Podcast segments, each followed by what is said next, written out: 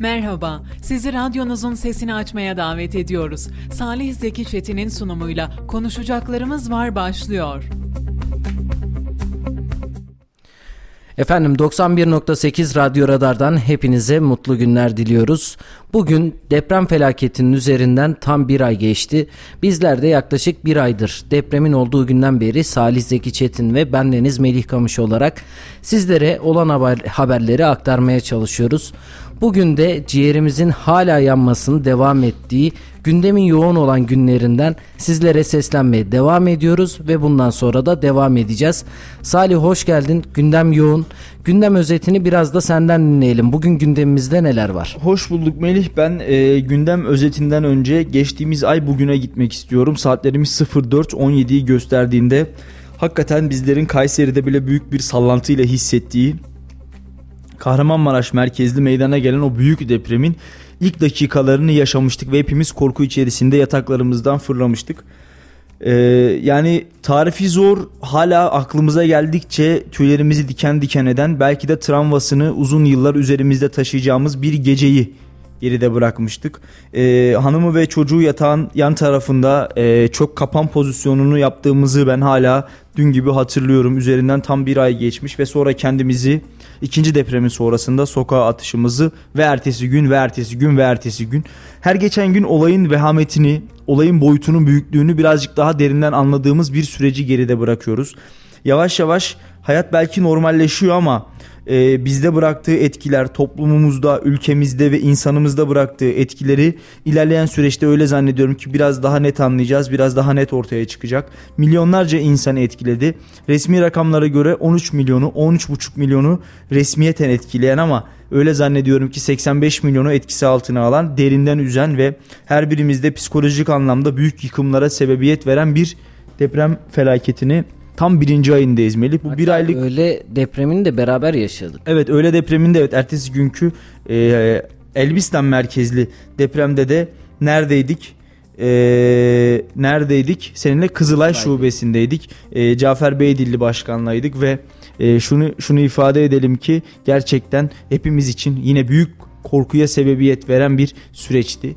E, bunların her birini geride bırakıp Melih artık yavaş yavaş hayatımız diyorum ya normalleşiyor ama atladığımız, unuttuğumuz, bazen görmezden geldiğimiz o kadar çok şey var ki.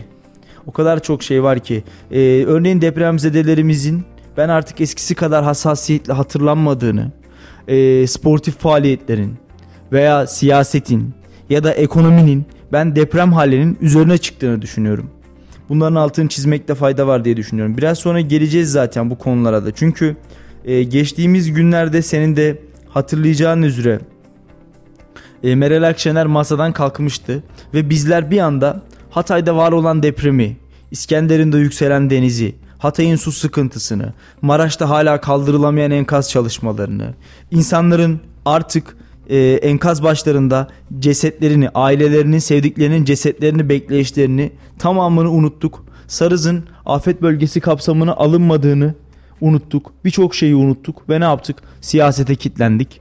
Ya bu arada şunu söyleyelim. E, şu an altılı masanın toplantısı devam ediyor 3. saatinde e, Saadet Partisi'nin genel merkezinin önünde ve Cumhuriyet Halk Partisi'nin genel merkezinin önünde büyük kalabalıklar olduğunu söyleyelim. Bir taraftan da gözümüz Ankara'da.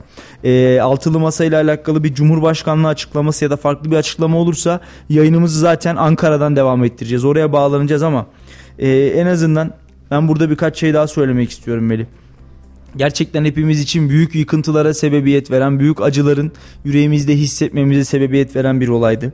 Depremde kaybettiğimiz bütün vatandaşlarımıza Allah'tan rahmet dileyelim. Acısı korkusu hala bitmedi. Kayseri ve civar iller hala sallanmaya devam ediyor. Ve dönüp baktığımızda öyle zannediyorum ki bizler belki bizlerin çocuklarının bile hatırlayacağı bir süreci şu an itibariyle yaşıyoruz. Ve e, şunun altını çizelim Melih bir süre daha bu şiddetli sallantılar ya da bu artçı sallantılar devam edecek hala Hatay'da, Adıyaman'da, Kahramanmaraş'ta 4 üzerinde artçılar meydana geliyor ve Kayseri bunlardan etkileniyor. Hala Kayseri'de özellikle e, Karpuz Sekisi ve İncesu, Saraycık diye nitelendirebileceğimiz noktalarda 3'ün üzerinde artçı depremler meydana geliyor. Bunlar bizi gerçekten derinden etkiliyor. Vatandaşlarımız zaman zaman hala sokaklara çıkıyor. Dedim ya kolay unutulabilir bir süreç yaşamıyoruz. Cumhuriyetimizin 100. yılını coşku içerisinde kutlayacağımız 2023 yılında bir yanımız her zaman buruk olacak ve 2023 yılı gerçekten bizim için belki de Cumhuriyet tarihinin en ağır afet senaryolarından bir tanesini yaşadığımız yıl olarak hafızalarımıza kazanacak. Yine 2020'de, 2021'de, 2022'de pandemi süreciyle geçirdiğimiz, normalleşemediğimiz, akabinde maskeye hapis olduğumuz, evlere hapsolduğumuz, sonra maskenin kaldırıldığı, yavaş yavaş kısıtlamaların sona erdiği günleri geride bırakmıştık. Tam bir şeyler rayına oturuyor mu acaba? Cumhuriyetimizin 100. yılının coşkusunu yaşayacağız mı acaba diye umut ederken maalesef deprem felaketi bunların her birinin önüne geçti. Allah daha büyük acılar bu millete göstermesin. Allah daha büyük acıları bu vatandaşa göstermesin. E, bu vesileyle bizler aslında birlik beraberliğimizin ne kadar önemli olduğunu, Türk insanı olarak bir arada durduğumuz zaman siyaseti, sporu, sanatı, edebiyatı yani bizi ayıran her ne varsa, bizim kutuplaşmamızı sağlayan, taraf tutmamızı sağlayan her ne varsa onları bir kenara koyduğumuzda AK Parti mi Cumhuriyet Halk Partisi mi Galatasaray mı Fenerbahçe mi Rus edebiyatı mı İngiliz edebiyatı mı tartışmalarını bir kenara bıraktığımızda birlik içinde olduğumuzda ne kadar güzel işlere imza atabildiğimizi bir kez daha gördük. Evet bu süreç içerisinde üzüldüğümüz, kızdığımız, fırsatçılık yaptığını düşündüğümüz, hatta öyle ki bazen çizmeyi biraz açıp belki bu sürecin sonunda vatan haini ilan edebileceğimiz insanları ve olayların yaşanabileceğini hep birlikte gördük. Yağmacıları gördük, hırsızları gördük, fırsatçıları gördük. Halkına yüz çevirenleri gördük, halkına gülenleri gördük. Çadır satanları, bakliyat satanları gördük. Bunun yanında devletin malını, milletin malını gasp etmek isteyen kansızları gördük. Ama bu milletin birlik ve beraberliğini de bu süreçte hakikaten çok iyi bir şekilde analiz ettik ve şeyleri gördük ama güzel şeyleri güzellik değil. güzellikleri de gördük. Kesinlikle güzellikleri de gördük ve Türk milletinin hep bir arada durduğu zaman ne kadar güzel bir millet olduğunu bir kez daha idrak ettik. Bu vesileyle ben deprem sürecinde hayatını kaybeden vatandaşlarımıza Allah'tan rahmet, bütün milletimize de artık onların ailelerine başsağlığı dilemek yetersiz olur. Bütün milletimize ben başsağlığı dilemek istiyorum. Çünkü onların evlatları, onların kardeşleri, onların çocukları, onlardan bize kalan bir emanet ve Türk milleti olarak depremzede ailelerimize bir ömür boyu sahip çıkmamız gerekiyor. O insanları hayatları normale binene kadar, gelir seviyeleri, e, eğitim şartları normale binene kadar onların koruyucusu ve yardımcısı olmamız gerekiyor. Bunu bir kez daha ben hatırlatmış olayım buradan. E, her Türk milletinin her bir ferdine de ben başsağlığı diliyorum. Allah bir daha böyle acılar yaşatmasın. Çünkü ne kadar olursa olsun baktığımızda hepimizin ortak bir tanıdığı vardı aslında Evet. hayatını kaybeden. Ya bu da mı hayatını kaybetmiş diye üzüntüyle baktığımız günler geçtikçe de umutların tükendiği haberler aldık ve sadece ailelerine değil gerçekten senin de dediğin gibi tüm Türkiye'ye başsağlığı dilemek gerekiyor. Hepimizin başı sağ olsun ve bu kadar kolay unutmamamız gereken asrın felaketi diye nitelendirirken bunu sadece bir sözde değil.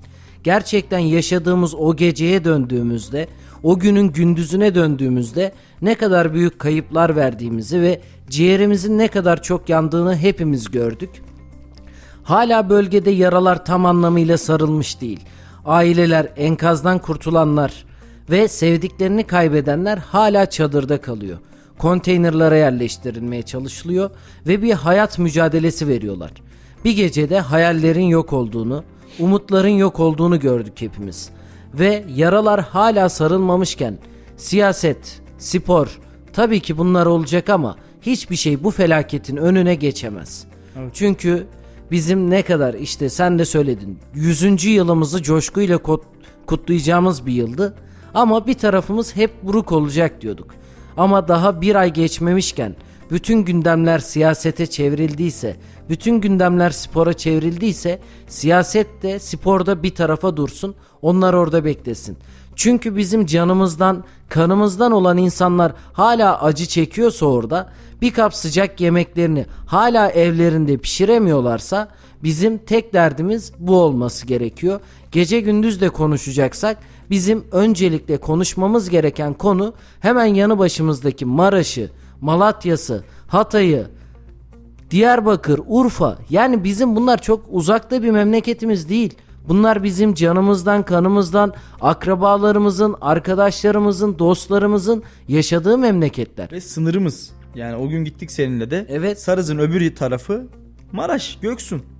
Ve hala bizim bölgemizde de hissediliyor.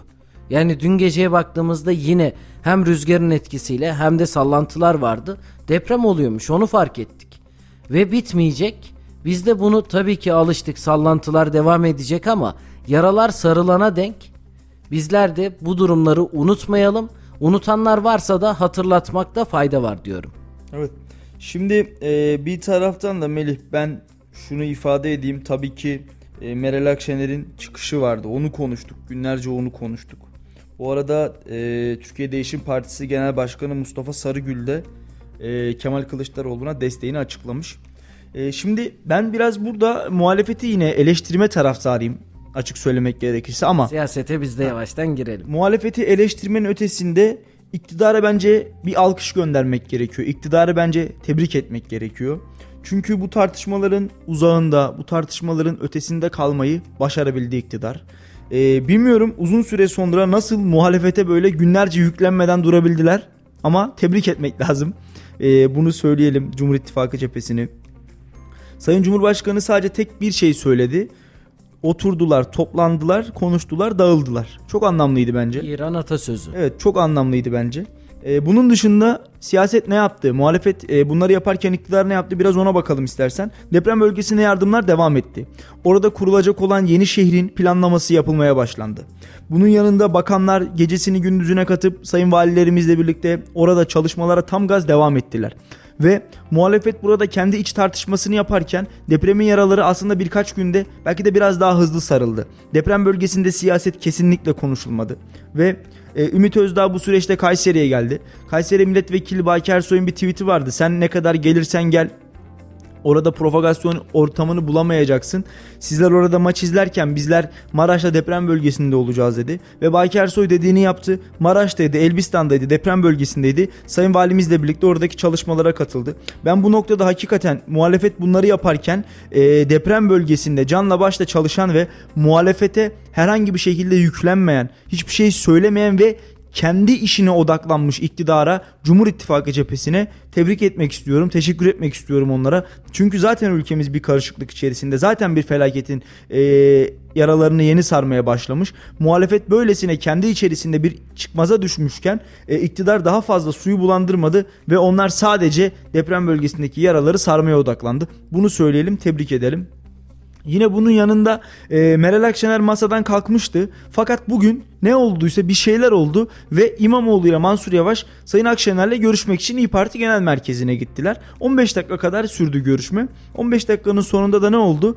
E, Mansur Yavaş ve Ekrem İmamoğlu'nun e, Cumhurbaşkanı yardımcısı olması teklifine ilişkin Meral Akşener'in bir isteği vardı ve bu istekten sonra da e, Mansur Yavaş ve Ekrem İmamoğlu'nun Cumhurbaşkanı yardımcılığı teklifiyle yani bu e, şu andaki Fuat Oktay'ın pozisyonu değil daha farklı bir pozisyon e, icra makamı olarak bir teklif yani belli bakanlıkların örnek veriyorum 3 bakanlık 3 bakanlık işte 3 bakanlık birine bağlanacak 3 bakanlık birine bağlanacak. Aynı Cumhurbaşkanı yetkisinde olduğu gibi Cumhurbaşkanı yardımcılarında da yetki olacak ve o yetkilerle birlikte e, Cumhurbaşkanı yardımcıları da icra gerçekleştirebilecek yani icraat gerçekleştirebilecekler. Bunun artı yönleri var, eksi yönleri var. Zaten mevcut anayasaya göre, mevcut kanunlara göre hem İmamoğlu'nun hem Yavaş'ın belediye başkanlıklarına devam ederken böyle bir görevde bulunmaları mümkün değil. Zaten AK Parti'den bugün bu konuyla ilgili bir açıklama yapıldı ve böyle bir görevin mevcut anayasayla mümkün olmadığı vurgulandı. Zaten e, muhalefet de seçimi kazanılması durumunda yani e, Kılıçdaroğlu'nun Cumhurbaşkanı olması durumunda e, Cumhurbaşkanı yardımcılarının böylesi yetkileri için bir kanun maddesi çıkartılacağını söyledi. Şimdi açık söylemek gerekirse ben Akşener'in bu hamlesini doğru bulmadım Meli. Bunun sebebini de şöyle açıklayacak olursak. E, Sayın Akşener o gün çıktı ve masayla alakalı bir açıklamada bulundu. Bunun yanında, bunun yanında e, Mansur Yavaş ve Ekrem İmamoğlu'nu da vatandaşın çağırdığını söyleyerek onları göreve davet etti. Doğru mu? Buraya kadar bir sıkıntı var mı? Yok. Ama Sayın İmamoğlu ve Sayın Yavaş ne yaptı? Bizler dedi Kemal Kılıçdaroğlu'nun söylediklerinin ötesine geçemeyiz. Yani ee, Sayın Kılıçdaroğlu isterse aday oluruz. Sayın Kılıçdaroğlu istemezse hiçbir şey söylemeyiz, ağzımızı bile açmayız, aday da olmayız dediler. Bunun üstüne ben Sayın Akşener'in yerine olsam şunu yapardım Melih. Madem öyle tekrar tekrar sizi aday göstermeye gerek yok. Tekrar tekrar bu konuda ısrarcı olmaya gerek yok. Ee, madem Sayın Kılıçdaroğlu'nun yaptıkları ve söyledikleri sizin için geçerlidir. Öyleyse madem Cumhurbaşkanı yardımcısı istiyor ya Akşener. Ben Akşener'in yerine olsam ne Yavaş'ı ne İmamoğlu'nu farklı bir tane Cumhurbaşkanı yardımcısı bulabilirdim kendimde olmak istemiyorsam. Ama Akşener Kılıçdaroğlu'nun karşısında e, İmamoğlu ve Mansur Yavaş ısrarına anlamadığım şekilde devam etti. Evet. Bunu söyleyeyim. E, neden bu isimler üzerinde bu kadar ısrarcı durdu onu bilmiyorum ama isim konusunun bu kadar diretilmesini ben yanlış buluyorum. E sen bir teklif götürmüşsün zaten. Gelin biz sizi aday gösterelim demişsin. Ve onlar da biz genel başkanımızın sözünden dışarı çıkamayız demişler. Madem öyle Akşener'in ben e, bu hamlesine anlam veremedim. İlk hamlesini evet ne dedim sana o gün de söyledim. Ben yerinde buldum ifade etmiştim. Neden yerinde bulduğumu ifade etmiştim. Ve e, muhalefetin bölünerek aslında e, HDP işte TKP, TIP ya da işte PKK kimlerle e, kimin yürüdüğü net bir şekilde ortaya konsun diye söylemiştim ama e, Sayın Akşener İmamoğlu ve Yavaş ısrarından vazgeçmedi. Onlara hem de Cumhurbaşkanlığı yardımcılığını kıdemli bir şekilde yani icraat makamlı bir şekilde geri verileceğini beyan etti. E, bir kere şunu söyleyeyim hem Yavaş hem İmamoğlu bence bundan sonraki siyasi kariyerleri için Meral Akşener'e bir teşekkür borçlular. Bunu ifade edeyim vefa borçlular bunu ifade edeyim. Bunun yanında önümüzdeki seçimde bir kez daha belediye başkanı adayı olabiliyorlarsa bence tekrar bunu Akşener'e borçlular. Bunu ifade edeyim. Ve Ümit Özdağ ile hafta sonu sen de vardın bir röportaj gerçekleştirdik. Sağ olsun çok güzel geri dönüşler aldık röportajla ilgili olarak. Ben tebrik ve takdirlerini ileten bütün takipçilerimize, bütün e, bizi izleyenlere ve değerli dinleyicilerimize teşekkürlerimi sunmak istiyorum. Röportajın e, içerisinde de orada gerçekten e, bizimle alakalı sorularımızla ve yayınımızla alakalı çok güzel yorumlar ve geri dönüşler vardı. Yayın sonrasında da inanılmaz mesajlar ve inan bana çok fazla sayıda arayan oldu Meli. E, inan hiç yani Kayseri'de yaşamayan arkadaşlarım bile sosyal medyadan yayını takip ettikten sonra geri dönüş sağladılar. Ben burada e, Ümit Özdağ'ın duruşundan dolayı da ona tebrik etmek istiyorum. Yani Sezar'ın hakkı Sezar'a madem verilecek. Ben orada şunu sordum. İşte Akşener ve Yavaş görüşecek. E, bu görüşmenin sonrasında Yavaş aday olursa tekrar destekler misiniz dedim. Ona bakarız dedi ama e, Mansur Yavaş kabul etmiyor diye Türk milleti, Türk siyaseti, demokrasisi e, Mansur Yavaş'a muhtaç değil. Farklı bir aday çıkar demişti. Bunu söyleyelim. Ha, e, bu sürecin, bu siyasetin kazananı kim dersen ben bu siyasetin kazananının bir kişi olduğunu düşünüyorum. O da Muharrem İnce. Çünkü e, tabii iktidarı bir kenara koyalım. İktidar çünkü yine buradan da puan oy topladı onu söyleyelim. Ama şu siyasetin kazananının ben Muharrem İnce olduğunu düşünüyorum. Bugün Muharrem İnce kendi genel merkezinin önünde kendi partilileri ve kendisini sevenlerle bir araya geldi. Size bot diyorlar, troll hesap diyorlar ne söylersiniz dedi. Bir de şu meşhur dansı vardı birlikte dans ettiler. Ee, eğlenceli bir görüntüydü. Onun altını çizmekte fayda var. Yine bunun yanında sosyal medyada özellikle e, takipçi sayısının takipçi sayısının e, takipçi sayısının fazla olduğu hesaplardan takipçi sayısının çok olduğu hesaplardan e, anketler yapılmaya başlandı Melih. Senin de bileceğin üzere Fatih Altaylı ile başladı bu süreç. Oğuzhan Uğur'la ve diğerleriyle devam etti. Her ankette Muharrem İnce'nin diğer adaylara fark attığını gördük. Yani yaklaşık 4-4,5 milyon sosyal medya kullanıcısının katıldığı bir anket platformunda e, Mansur e, Ekrem özür diliyorum. E, Muharrem İnce'nin e, Kemal Kılıçdaroğlu, Meral Akşener ve Recep Tayyip Erdoğan'ın karşısında farkla kazandığını gördük ve e, bununla alakalı olarak da bunlar zaten bot hesap, troll hesap şeklinde eleştiriler vardı. E, bugün biraz gövde gösterisi yaptı Muharrem İnce. Ben bu sürecin kazananının kendisi olduğunu düşünüyorum. Ha yüzde kaç etkiler, yüzde kaç oy alır onu bilemem ama örnek veriyorum 3 puansa 6 puan, 6 puansa bence 10 puan, 10 puansa 15 puana çıkarttı kendisini. Hani bunu rakam ta, sadece sembolik 30'a 40'a çıkarttı öyle diyeyim. Hani Muharrem İnce 3 puan mı alacak onu mu düşünüyorsun diye soran olursa ya da öyle anlayan takipçilerimiz varsa 30'sa 35'e 50 ise 55'e çıkarttı. Hakikaten bir ivme kazandı diye düşünüyorum ve e, muhalefetin bu iç karışıklığının en büyük kazananı bence Memleket Partisi ve Muharrem İnce'nin şahsı oldu. Ve e, bugün de muhtemel suretle söylüyorum şöyle bir taraftan da gözümüz televizyonda Saadet Partisi'nin önü gerçekten şu an ana baba günü. Temel Karamollaoğlu orada e, adayı açıklayacak onu söyleyeyim. Masanın en yaşlısı olarak, en tecrübelisi olarak öyle söyleyelim. Adayı Temel Karamollaoğlu açıklayacak. Kim derdi ki oy oranlarına bakarak günün birinde Saadet Partisi'nin Cumhurbaşkanı adayını açıklayacağını. Geçen seçimlere baktığımızda %2, %2,5, %3 alınan e, yerlerde kim derdi ki Saadet Partisi Cumhurbaşkanı adayını kendi genel merkezinde açıklayacak. Herhalde rahmetli Necmettin Erbakan mezardan kalksa gelse e, şu anda hayretler içerisinde, şaşkınlık içerisinde olurdu. E, en azından partisinin, e, kurduğu partinin bu haline diyelim. Ee, bunun yanında şunun altını çizmek istiyorum Meli. Kemal Kılıçdaroğlu hangi partilere kaç milletvekilliği sözü verdi? Bence bu soru çok önemli. Bu soru çok kritik. Çünkü e, bunu hep konuşuyoruz. Bunu hep konuşuyoruz. E, biliyorsun Kemal Kılıçdaroğlu'nun bakanlık ve milletvekilliği karşısında e, altılı masaya, e, altılı masadaki diğer partilere ben makam ve mevki verdiğini söylemiştim. Zaten bunlar gizlenmedi. Bununla ilgili iddialar var. Oraya geleceğim ama bir mesajımız var. Ben onu okumak istiyorum. Ee, küçük kardeşimiz Alperen Ziya Doğan bugün oruç tutuyormuş ve bizi dinliyormuş şu anda da. Hayırlı kandiller diliyormuş. Allah kabul etsin. Bir kez daha ismini okuyalım. Alperen Ziya Doğan oruç tutuyormuş küçük kardeşimiz ve bizi dinliyormuş. Hayırlı kandiller diyormuş. Biz de kendisine teşekkür edelim. Ee, Allah kabul etsin. İnşallah Ramazan ayında da bir araya gelirsek kendisine de bir iftar ikram edelim. Melih seninle birlikte sen de İnşallah, kabul edersen olur. ya da bir sahur vakti kapısını çalalım. E, kendisinin bir sahur paketi ikram edelim birlikte. Allah kabul etsin diyelim. Biz de bu arada e, herkesin de kandilini mübarek edelim, mübarekleyelim. E, onu söylemeyi unuttuk. Hakikaten o kadar yoğun, o kadar yoğun bir gündemimiz var ki bazen hayatın gerçekleri karşısında unuttuğumuz, atladığımız noktalar oluyor. Kusura bakmayın şunu söylüyordum ben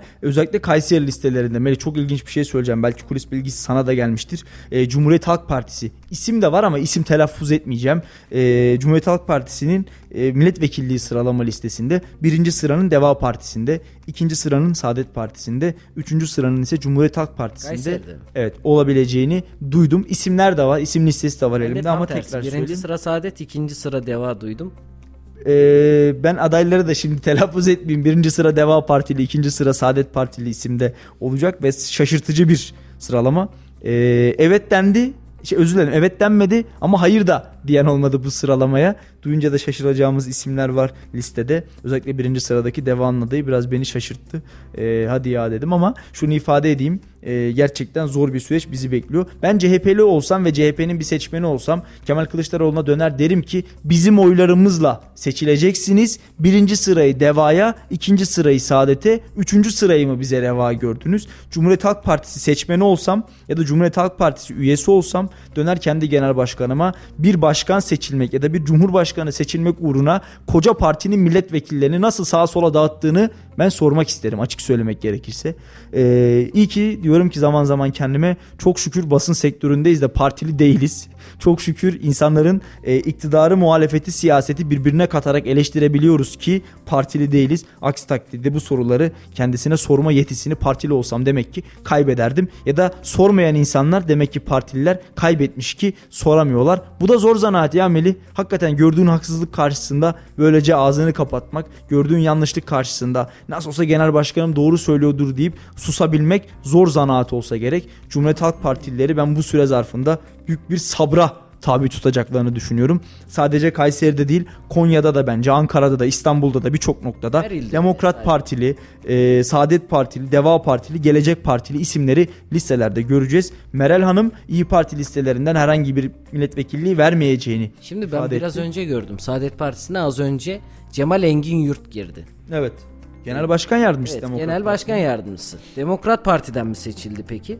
Evet şey Milliyetçi Hareket Partisi'nden seçildi. İstifa edip Demokrat Parti'ye geçti ve genel başkan yardımcısı oldu. Şu anda yine aynı şey olacak mesela. Partilere baktığımızda siyaset gerçekten çok zor. Özellikle yerele indirdiğimizde partililer bakalım bu duruma nasıl karşılık verecek Kayseri'de özellikle Cumhuriyet Halk Partisi kendisi oy verecek ama birinci sıradan ikinci sıradan farklı bir partinin milletvekillerini çıkartacaklar. Tabi bu aday adaylıklar açıklanınca, adaylıklar açıklanınca daha da netleşmiş olacak. Ama şu an bildiğimiz tek bir gerçek var. Bugün şu an Saadet Partisi Genel Merkezi'nde bir toplantılı toplantı yapılıyor. Altılı masanın. Meral Akşener gelecek mi, gelmeyecek mi, toplantıya katılacak mı derken en son gördük Meral Akşener de geldi. Temel Karamollaoğlu ile selamlaşıp içeriye toplantıya dahil oldu. Saadet Partisi'nin ve Cumhuriyet Halk Partisi'nin genel merkezlerinin önünde yoğun bir kalabalık var şu dakika itibariyle. Toplantının ardından bugün Cumhurbaşkanı adayının açıklanmasını bizler de bekliyoruz. Kamuoyu da bekliyor. Bununla ilgili de e, vatandaşların bekleyişi sürüyor. Cuma gününe baktığımızda ya ne oldu? Nasıl bir süreci geçirdik? Siyasi anlamda o gün de söylemiştik. Bugün Türkiye siyaseti açısından çok önemli bir gün Salih. Meral Akşener masayı dağıttı ve kalktı demiştik. E bugün yeniden haftanın ilk gününden sizlere sesleniyoruz. Bugün ne oldu? Tekrar Meral Akşener geldi masaya oturdu ve toplantılarına devam ediyorlar. Gerçekten bazen siyasette de ne olduğunu anlamak mümkün değil. Bir gidiyorlar bir geliyorlar bugün açıklanacak. Bundan sonraki süreç nasıl geçecek? 14 Şubat'ta işte biz de Cumhurbaşkanı Erdoğan'ın 10 Mart'ta seçim kararını alıp 14 Mayıs'ta seçimin yapılmasını bekliyoruz. Evet. Yapıldıktan sonra işte kararlar açıklanacak. YSK deprem nedeniyle bir teklifte bulunur mu? Erteliyoruz der mi? Bu da bir taraftan Hayır, muallakta. YSK o konuda o konuda açıkladı. E, deprem bölgelerinde seçimin yapılmasına ilişkin herhangi bir engel Herhangi yok. bir sıkıntı yok. Dendi. O yüzden e, problem yok. Yani seçim muhtemel suretle Sayın Cumhurbaşkanı'nın belirttiği tarihte yapılacak, gerçekleşecek. Peki bugün Meral Akşener masaya nasıl geldi? Dedi ki tamam Ekrem İmamoğlu ya da Mansur Yavaş Cumhurbaşkanı adayı olmuyor. Yapmıyorsunuz. En azından icracı Cumhurbaşkanı yardımcısı olun demiş. Melih şunu Tabii altına ki. çizmek istiyorum. E, iki gündür özellikle İyi Partili ve Cumhuriyet Halk Partili birçok isim birbirlerine karşı gerek Meral Akşener'e gerek Kemal Kılıçdaroğlu'na karşı birçok söylemde bulundu. Millet Bunlara gerek var büyüktür. Heh. Bunlara gerek var mıydı? Daha böyle e, afaki, daha böyle bel altı söylemler de vardı. Bak millet beşten büyüktür çok masum kalır. İki gündür şurada okuduklarımız ve gördüklerimizin yanında. Ve özellikle örnek veriyorum Deva Partili ve Gelecek Partili hesaplar da e, yine aynı şekilde Meral Akşener hakkında çok ciddi iddiaları ortaya attı. Çok inanılmaz şeyler söyledi. Gerek var mıydı bunca şeye? Gerek var mıydı bugün oturacağım masayı dün dağıtmaya mesela? Ki aradan Ve- 3 gün geçmiş. Ve bu ismin ve bu ismin e, neden bu kadar önemli, neden bu kadar ısrarcı olunduğu noktasında tekrar söylüyorum. E, yine de anlamış değilim. Yani Ben de neden Mansur değilim. Yavaş ve neden Ekrem İmamoğlu? Ben bu noktada Bak Cumhurbaşkanı Başdanışmanı Uçum'un bir söylemi var. İmamoğlu ve Yavaş Cumhurbaşkanı yardımcısı olamaz. Anayasanın açık ihlalidir demiş. Nasıl bir süreç işlenecek? Bir taraftan biri olamaz diyor, bir taraftan olacak işte. Onu değiştireceğiz diyor. Yani öyle allak bullak gidiyor ki ne olduğunu vatandaş olarak bizim anlamamız gerçekten bak mümkün değil. Gece gündüz haberleri de takip ediyoruz. İyi Parti ne demiş? Altılı masa ne demiş? Söylemler ne yönde? İşte iktidar bir kısmı açıklama yapıyor. İktidardan gelen bakıyoruz. Bak tamam böyle gecemiz gündüzümüz televizyon karşısında ya da sosyal medyada haberleri incelemekle geçerken sen de anlayamadın Salih hala ben de anlayamadım Evet. tam anlamıyla. Ve çoğu kişi bunu anlayamadı ki gece gündüz bak profesör diyor televizyona çıkıyorlar açıklama yapıyorlar. Olayı tartışıyorlar onlar bile kavrayamamış vatandaşa bunu nasıl anlatacaklar? şimdi bir de şunu söyleyeyim. Bir de şunu söyleyeyim Melih. Şimdi bu arada o Cumhuriyet Halk Partisi'nin önünden şu an görüntüler sosyal medyaya düşmüş. Hakikaten inanılmaz bir kalabalık var. Bunu söyleyelim. Şimdi şunu söyleyeyim Melih ben sana. Aylardır Kemal Kılıçdaroğlu neyi iddia etti? Hatırlıyor musun? Aday niye açıklanmıyordu? Adayı yıpratmamak için. Kemal Kılıçdaroğlu'nun yıpratmak istemediği kişi aday mıydı? Siyaset miydi? Yoksa kendisi miydi? Şimdi iki yönlü bakmak lazım olaya. Bir, eğer Kemal Kılıçdaroğlu'nun adaylığı masada hiç konuşulmadıysa bu altılı masanın bence büyük bir problemi. Ya da eee, Cumhurbaşkanlığı adaylığı hiç konuşulmadıysa altılı masada bu, bu altılı masanın büyük bir problemi bence. Abi o kadar toplantı yapıldı yani Heh.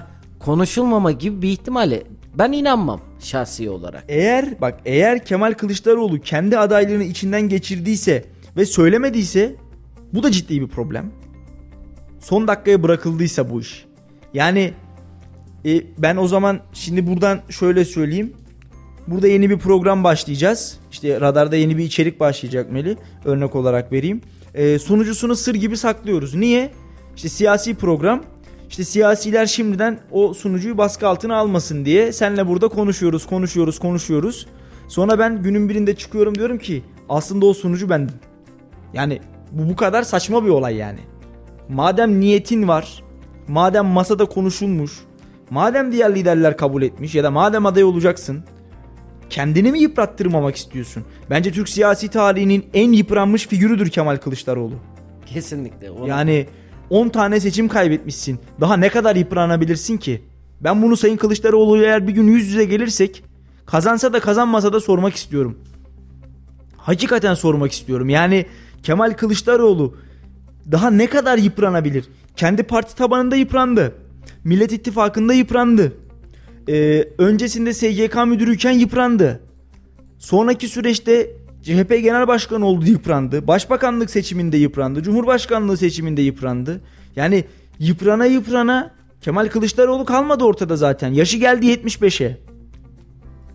Hala neyin inadıydı bu? Yıpranmasın aday, yıpranmasın aday. Yıp öyle bir isim açıklayacağız ki, öyle bir isim ortaya koyacağız ki, öyle bir isim duyacaksınız ki vatandaşı böyle inanılmaz büyük bir beklentinin içerisine soktular ve sonra ortaya konan isim ben isim kötü demiyorum kimse beni yanlış anlamasın. Kesinlikle Kemal Kılıçdaroğlu'na saygım sonsuz ve her Türkiye Cumhuriyeti vatandaşı gibi kendisi de aday olabilir. Buna kesinlikle hiçbir itirazım yok. Vatandaşın sesi, vatandaşın sözü, vatandaşın oyu bizim başımızın üstünedir. Herkesin bir oyu vardır. Gider kullanırız sonra geri çekiliriz. 14 Mayıs geldiğinde sandığa gideriz. Aynen öyle. Şunu söyleyeyim benim eleştirmediğim herhangi bir siyasi figür kalmadı bu programda aklınıza gelebilecek tüm siyasi partileri eleştirdim. Ya öyle ama olması gün, lazım. Doğru ya doğru birinde, yanlış yanlış. Ama günün birinde benim de gidip kullanacağım bir tane oyun var. A partisini ya da B partisini önemli değil. Ya şunu söyleyeyim. Yani hani biz acaba taraflı mı düşünüyoruz ya da Kemal Kılıçdaroğlu'nu e, yıpratmak için mi bu yayını yapıyoruz diye düşünenler olabilir. E zaten Kemal Bey 10 seçim kaybetmiş, yeteri kadar yıpranmış bir adaydı. Hani bu kadar böyle sır gibi saklamaya bence gerek yoktu. Adayı bu kadar e, böyle pamuklara sarıp sarmalayıp ya bakın öyle bir isim çıkartacağız ki siyaset ya bir siyasetteki isimler değişsin, figürler değişsin derken yine aynı isimlerle oy pusulasına gideceğiz. Melih ben 27 yaşındayım. Çok uzun bir süre değil. Bir hafta öncesine gidelim. Yine bu mikrofonlardan ne dedik Salih?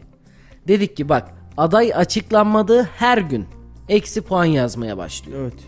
Ve o yüzden Millet İttifakı kendince adayını belirleyip kamuoyuyla paylaşması gerekiyor. Kesinlikle.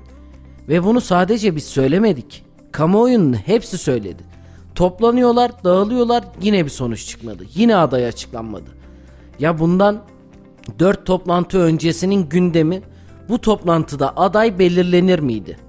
Aradan kaç tane toplantı geçti ve biz hala aday bugün açıklanır mı, açıklanmaz mı hala net bir açıklama yok. Evet biz bekliyoruz. Kamuoyu bekliyor bugün açıklanacak diye ama net bir açıklama yapan duydun mu? Yok. Duymadık. Bu şeydi Melih. Geçen toplantı aday belirlenmesinin belli olacağı toplantıydı. Şimdi de çıkıp şey derlerse şaşırmayız yani.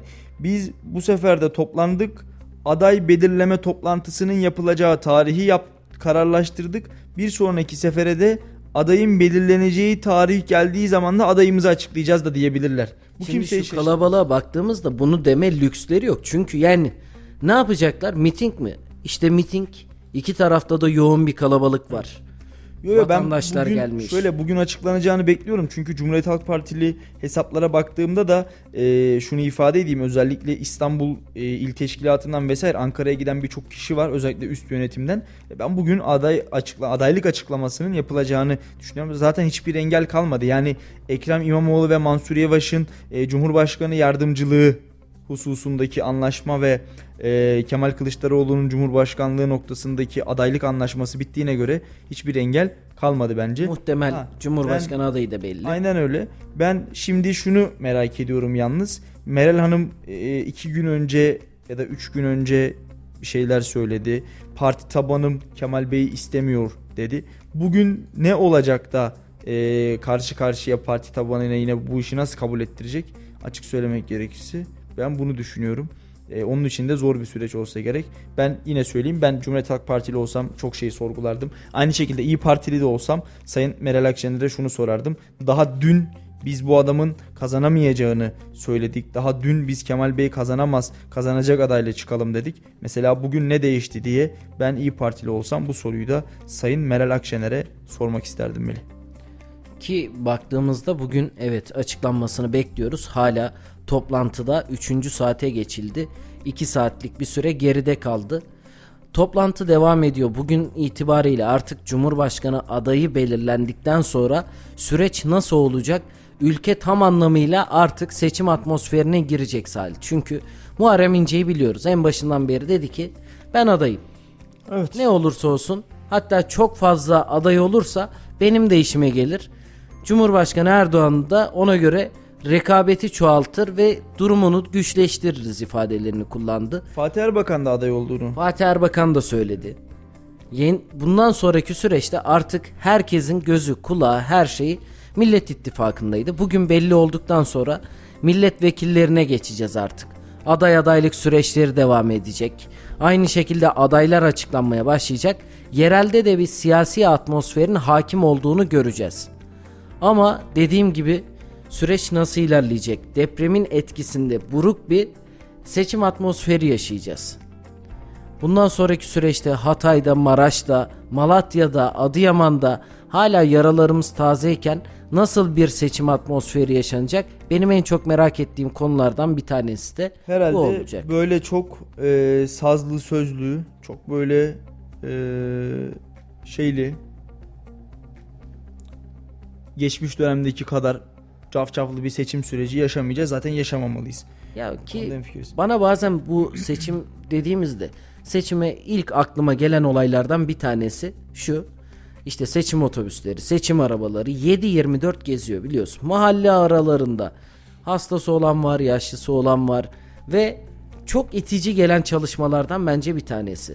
Evet. Umarım bu seçimde bunları yaşamayız. İnşallah.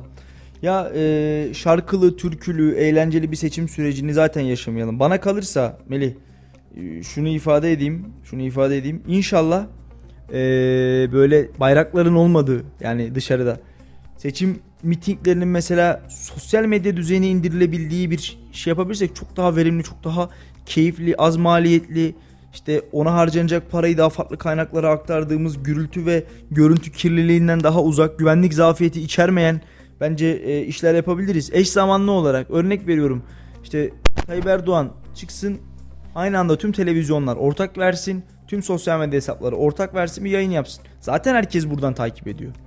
Muharrem İnce, Kemal Kılıçdaroğlu, işte Meral Akşener kim yapacaksa mitingini artık. Her biri bence bunu kullanabilir. Teknoloji devrinde yaşıyoruz. Salih 2023 Kesinlikle. yılına geldi ama biz hala geleneksel yöntemleri kullanmayı tercih ediyoruz.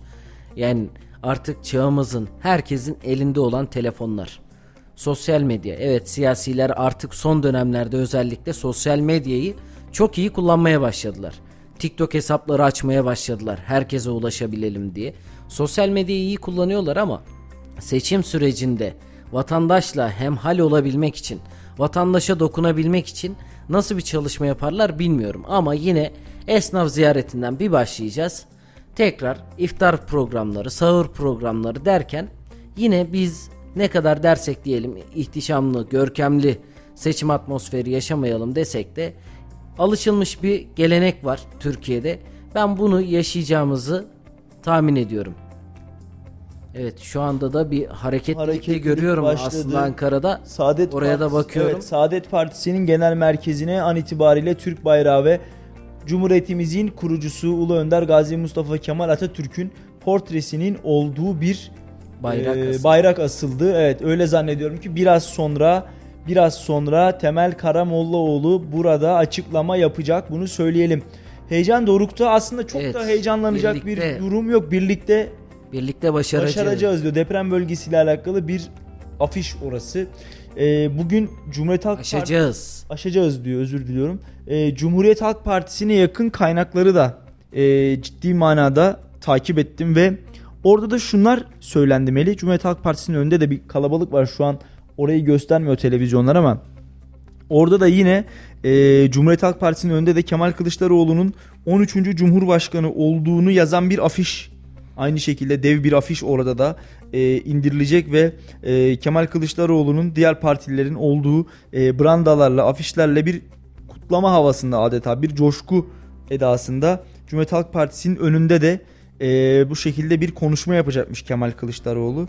Bunu da söyleyelim. Tabi e, oradan önce yani Cumhuriyet Halk Partisi'nin e, programından önce Saadet Partisi'nin önünde bu konuşma yapılacak ve muhtemelen bütün liderler el ele kol kola çıkacaklar. Yine aynı şekilde Kemal e, Kemal Kılıçdaroğlu'nun yanında Mansur Yavaş ve Ekrem İmamoğlu'nun da olabileceğini burada düşünüyoruz. Onlar da çünkü şu anda Ankara'dalar ve Saadet Partisi'nin genel merkezindeki bu toplantıya onlar da katılıyorlar. E, ülkemizin bence e, önemli gündemlerinden bir tanesi ama dediğim gibi en önemli gündemi kesinlikle bu değil. Kesinlikle bu değil. E, böyle böyle bir atmosferde e, siyaset zaten ülkemizin en önemli gündemi olamaz. Evet şu anda ekranlara geliyor. Ben buradan takip edebiliyorum. Cumhuriyet Halk Partisi'nin genel merkezinin önü de hınca hınç insan kalabalığıyla dolu. Yine e, Mustafa Kemal Atatürk'ün ve Türk bayrağının yer aldığı yine bayraklar kullanılmış. Sen nasıl görüyorsun Melih Kemal Kılıçdaroğlu'nun şansını? Bir de sana soralım. Şimdi kamuoyuna baktığımız zaman ilk zamandan beri özellikle sosyal medyada akım haline geldi. Kemal Kılıçdaroğlu aday olmasın. Evet. Söylemleri çok fazla vardı ama siyasilerle de görüştüğümüzde özellikle Cumhuriyet Halk Partisi'nin yetkilileriyle de görüştüğümüzde ne dediler orada? Dediler ki evet biz belki Anadolu'da bunu çok fazla hissedemiyoruz ama Antalya'da, İzmir'de, İstanbul'da ve Ankara'da Kemal Kılıçdaroğlu'nun aday olmasını istiyorlar. Bu illerde özellikle dengeyi değiştirebilecek nüfusa sahip illerden birkaç tanesi. Baktığımızda adam kay adam kazandı laf vardı ya. Evet. Aynı şekilde Kemal Kılıçdaroğlu'nun çok fazla kaybettiği seçim var. Evet. Skeçlere bile konu oldu. İşte kaç milyar insan var. Bu insanlardan bir tanesinin seçimi kazanma şansı yok. O da Kemal Kılıçdaroğlu diyordu. Kamuoyunda böyle bir algı var. Ne yaparsak yapalım. Şimdi hepimizin elinde telefonda var. Vatandaşların görüşlerini de alıyoruz. Televizyon programlarında dinliyoruz. Her yerde siyaset hayatımızın içine girmiş durumda. Uzak durmak mümkün değil ve bizlere gelen bilgiler de bu yönde oluyordu. Ama Kemal Kılıçdaroğlu bu akşam itibariyle Cumhurbaşkanı adaylığını açıklarsa bundan sonraki yapacağı e, sosyal propagandası, seçimle ilgili yaptığı kampanyalar ne aşamada olacak? Kendisini toplumla barışmış ve topluma kazanabileceğini ikna etme süreci olacak. Yaklaşık 70 gün kaldı ve kamuoyundaki o ön yargıyı yıkmak için bir mücadele vermesi gerekiyor. Evet. Şimdi yanına da eğer Mansur Yavaş ve Ekrem İmamoğlu'nu da alırsa genel başkanların da altılı masanın da dip dalga diye sürekli konuştuğumuz konuyu ele alacak olursak tüm partilerin sahada canla başla çalışması gerekiyor ki Kemal Kılıçdaroğlu'nun gerçekten ideal bir aday olduğunu benimsetmesi gerekiyor. Evet. Çünkü baktığımızda kamuoyunda yeniden söylüyorum ciddi bir ön yargı var. Kim ne derse desin. Bak Cumhuriyet Halk Partiliyim. İşte Ekrem İmamoğlu ya da Mansur Yavaş çıksın oy veririm. Gözüm kapalı oy veririm. Ama Kemal Kılıçdaroğlu çıkarsa oy vermem diyen kitle çok fazlaydı. Kesinlikle. E şimdi baktığımızda Kemal Kılıçdaroğlu Cumhurbaşkanı adayı. iki başkan da Mansur Yavaş ve Ekrem İmamoğlu da Cumhurbaşkanı yardımcısı Yardımcı olarak öyle. geçecek olursa sağdaki çalışmalarına bakacağız. Burada nasıl bir potansiyel ele alınacak? Nasıl bir çalışma gerçekleştirilecek? Buna bakmamız lazım. Ama dediğim gibi tüm vatandaşların yapacağı 14 Mayıs geldiğinde sandığa gidip bir tane oy hakkı var.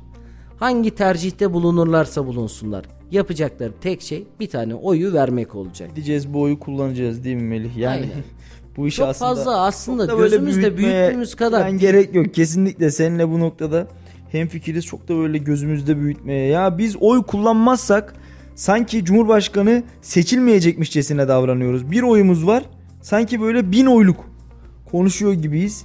Ee, o yüzden çok da hani böyle işte biz olmadan olmaz gibi bir görüş bir anlayış yani kişi bazında söylüyorum. Böyle bir şey tabii mümkün değil. İşte ya Melih sen oy vermezsen işte X kişisi kazanamaz demek yanlış ya da aynı şekilde senin ya da benim ya ben oy vermezsem ha bak görürsünüz. Ama siyasi Demek kampanyaların mihenk taşıdır bu. Kesinlikle. İşte bak sen oy vermezsen kazanamaz. Sen yoksan bir eksiyiz. eksiyiz. evet. Kesinlikle. o yüzden Salih yani baktığımız süreçte de milyarlar akacak. Yine seçim yardımları olacak, partilere gidecek. Yine milletvekilleri seçilecek. Bugün çıkacak Cumhurbaşkanı adayı. Bundan sonraki konuşacağımız ana temel gündem maddelerinden bir tanesi olacak. Tabii. Bir ziyaret yapacak, onu konuşacağız. Gaflar olacak, onu konuşacağız. Ama bildiğimiz bir gerçek var bugün itibariyle. Yeniden günü özetleyelim. Bugün neler oldu? Bugün sabah saatlerinde Ekrem İmamoğlu ve Mansur Yavaş gitti Meral Akşener'le görüştü. Evet. Yaklaşık 15-20 dakikalık bir görüşmeydi. Görüşmenin ardından Meral Akşener de çıktı. Tabi bu esnada bugün daha öncesinde açıklanmıştı. Saadet Partisi'nin genel merkezinde 5 liderin kesin olarak katılacağı bir toplantı yapılacaktı. Meral Akşener gelmeyecek gözüyle bakılıyordu. Saat 2'deydi bu arada bu toplantı. Evet. Meral Akşener, e, Mansur Yavaş ve Ekrem İmamoğlu ile görüştükten sonra 3'e alındı. Onu Evet. da vurgulayalım. Meral Akşener de gelir mi diye bir beklenti oluşmuştu. İki başkan görüştükten sonra Meral Akşener genel merkezden çıktı. İyi Parti genel merkezinden Saadet Partisi genel merkezine yola çıktı. Bu esnada tabii ki bunlar iddiadır. Kemal Kılıçdaroğlu ile bir otelde görüştüğü iddia edildi ve Yo görüştüler bu parti sözcüsü Kürşat Zorlu tarafından da Doğrulandı, açıklandı. Tabii değil mi? tabii açıklandı. İyi Parti'den de açıklandı.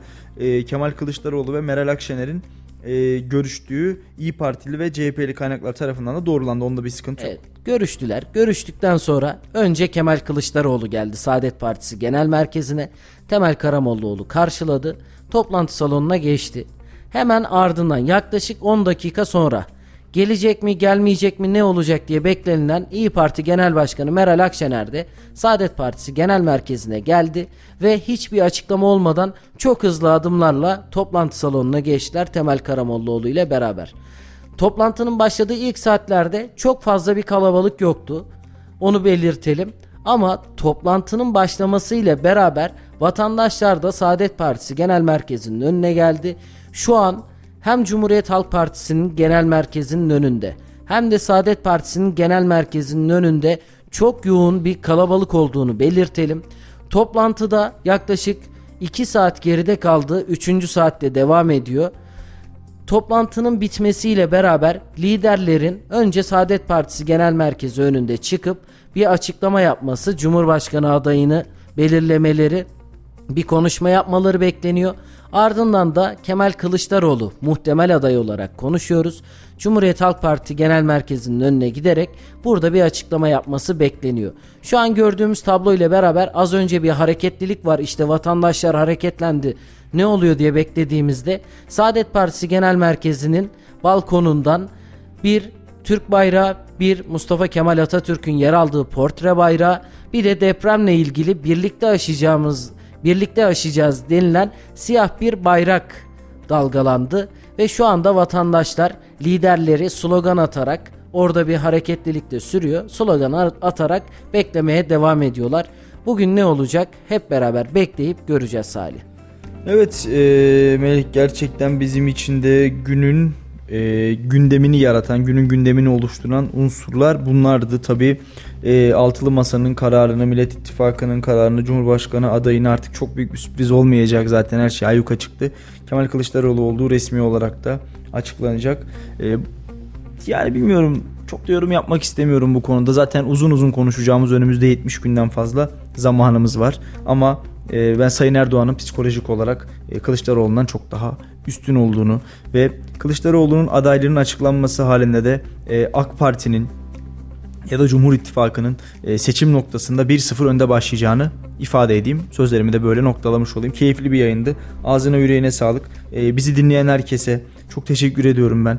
E, bugüne kadar gerçekten çok iyi ve güzel yorumlarla, destek mesajlarıyla yanımızda olan, bizleri dinleyen herkese ben ayrı ayrı teşekkür etmek istiyorum. Hayırlı kandiller diliyorum. Dua kapılarının açıldığı, Ramazan ayının müjdelendiği ve böylesine büyük mağfiretin, rahmetin bu gece üzerimizden eksik olmadığı ve dualarımızın kabul olduğu bir kandili inşallah. Özel rica edelim. Ta- idrak şu an bizi edelim. dinleyen takipçilerimiz bizi de dualarında buluştursun. Aynen öyle kesinlikle evet onu da ben vurgulamak istiyorum. Şimdi hocaya soruyorlar yani e, bunu da anlatmadan geçemeyeceğim işte bir insan için bir mümin için diyor e, edilen en hayırlı dua nedir yani nasıl diyor nedir diyor. E, hoca şöyle diyor e, bir mümin için edilen en hayırlı dua diyor temiz ağızla edilen duadır diyor. Yani diyor nasıl temiz ağızdan kasıt abdestli mi, oruçlu mu, zekat verdikten sonra mı, hacda mı, nerede diyor.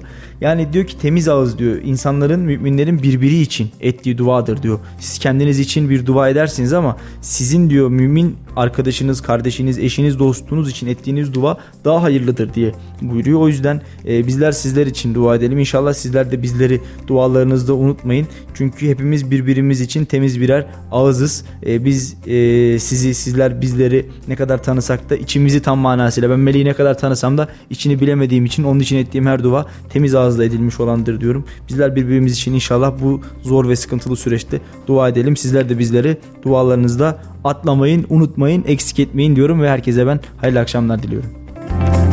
Salih Zeki Çetin'in sunumuyla konuşacaklarımız var sona erdi.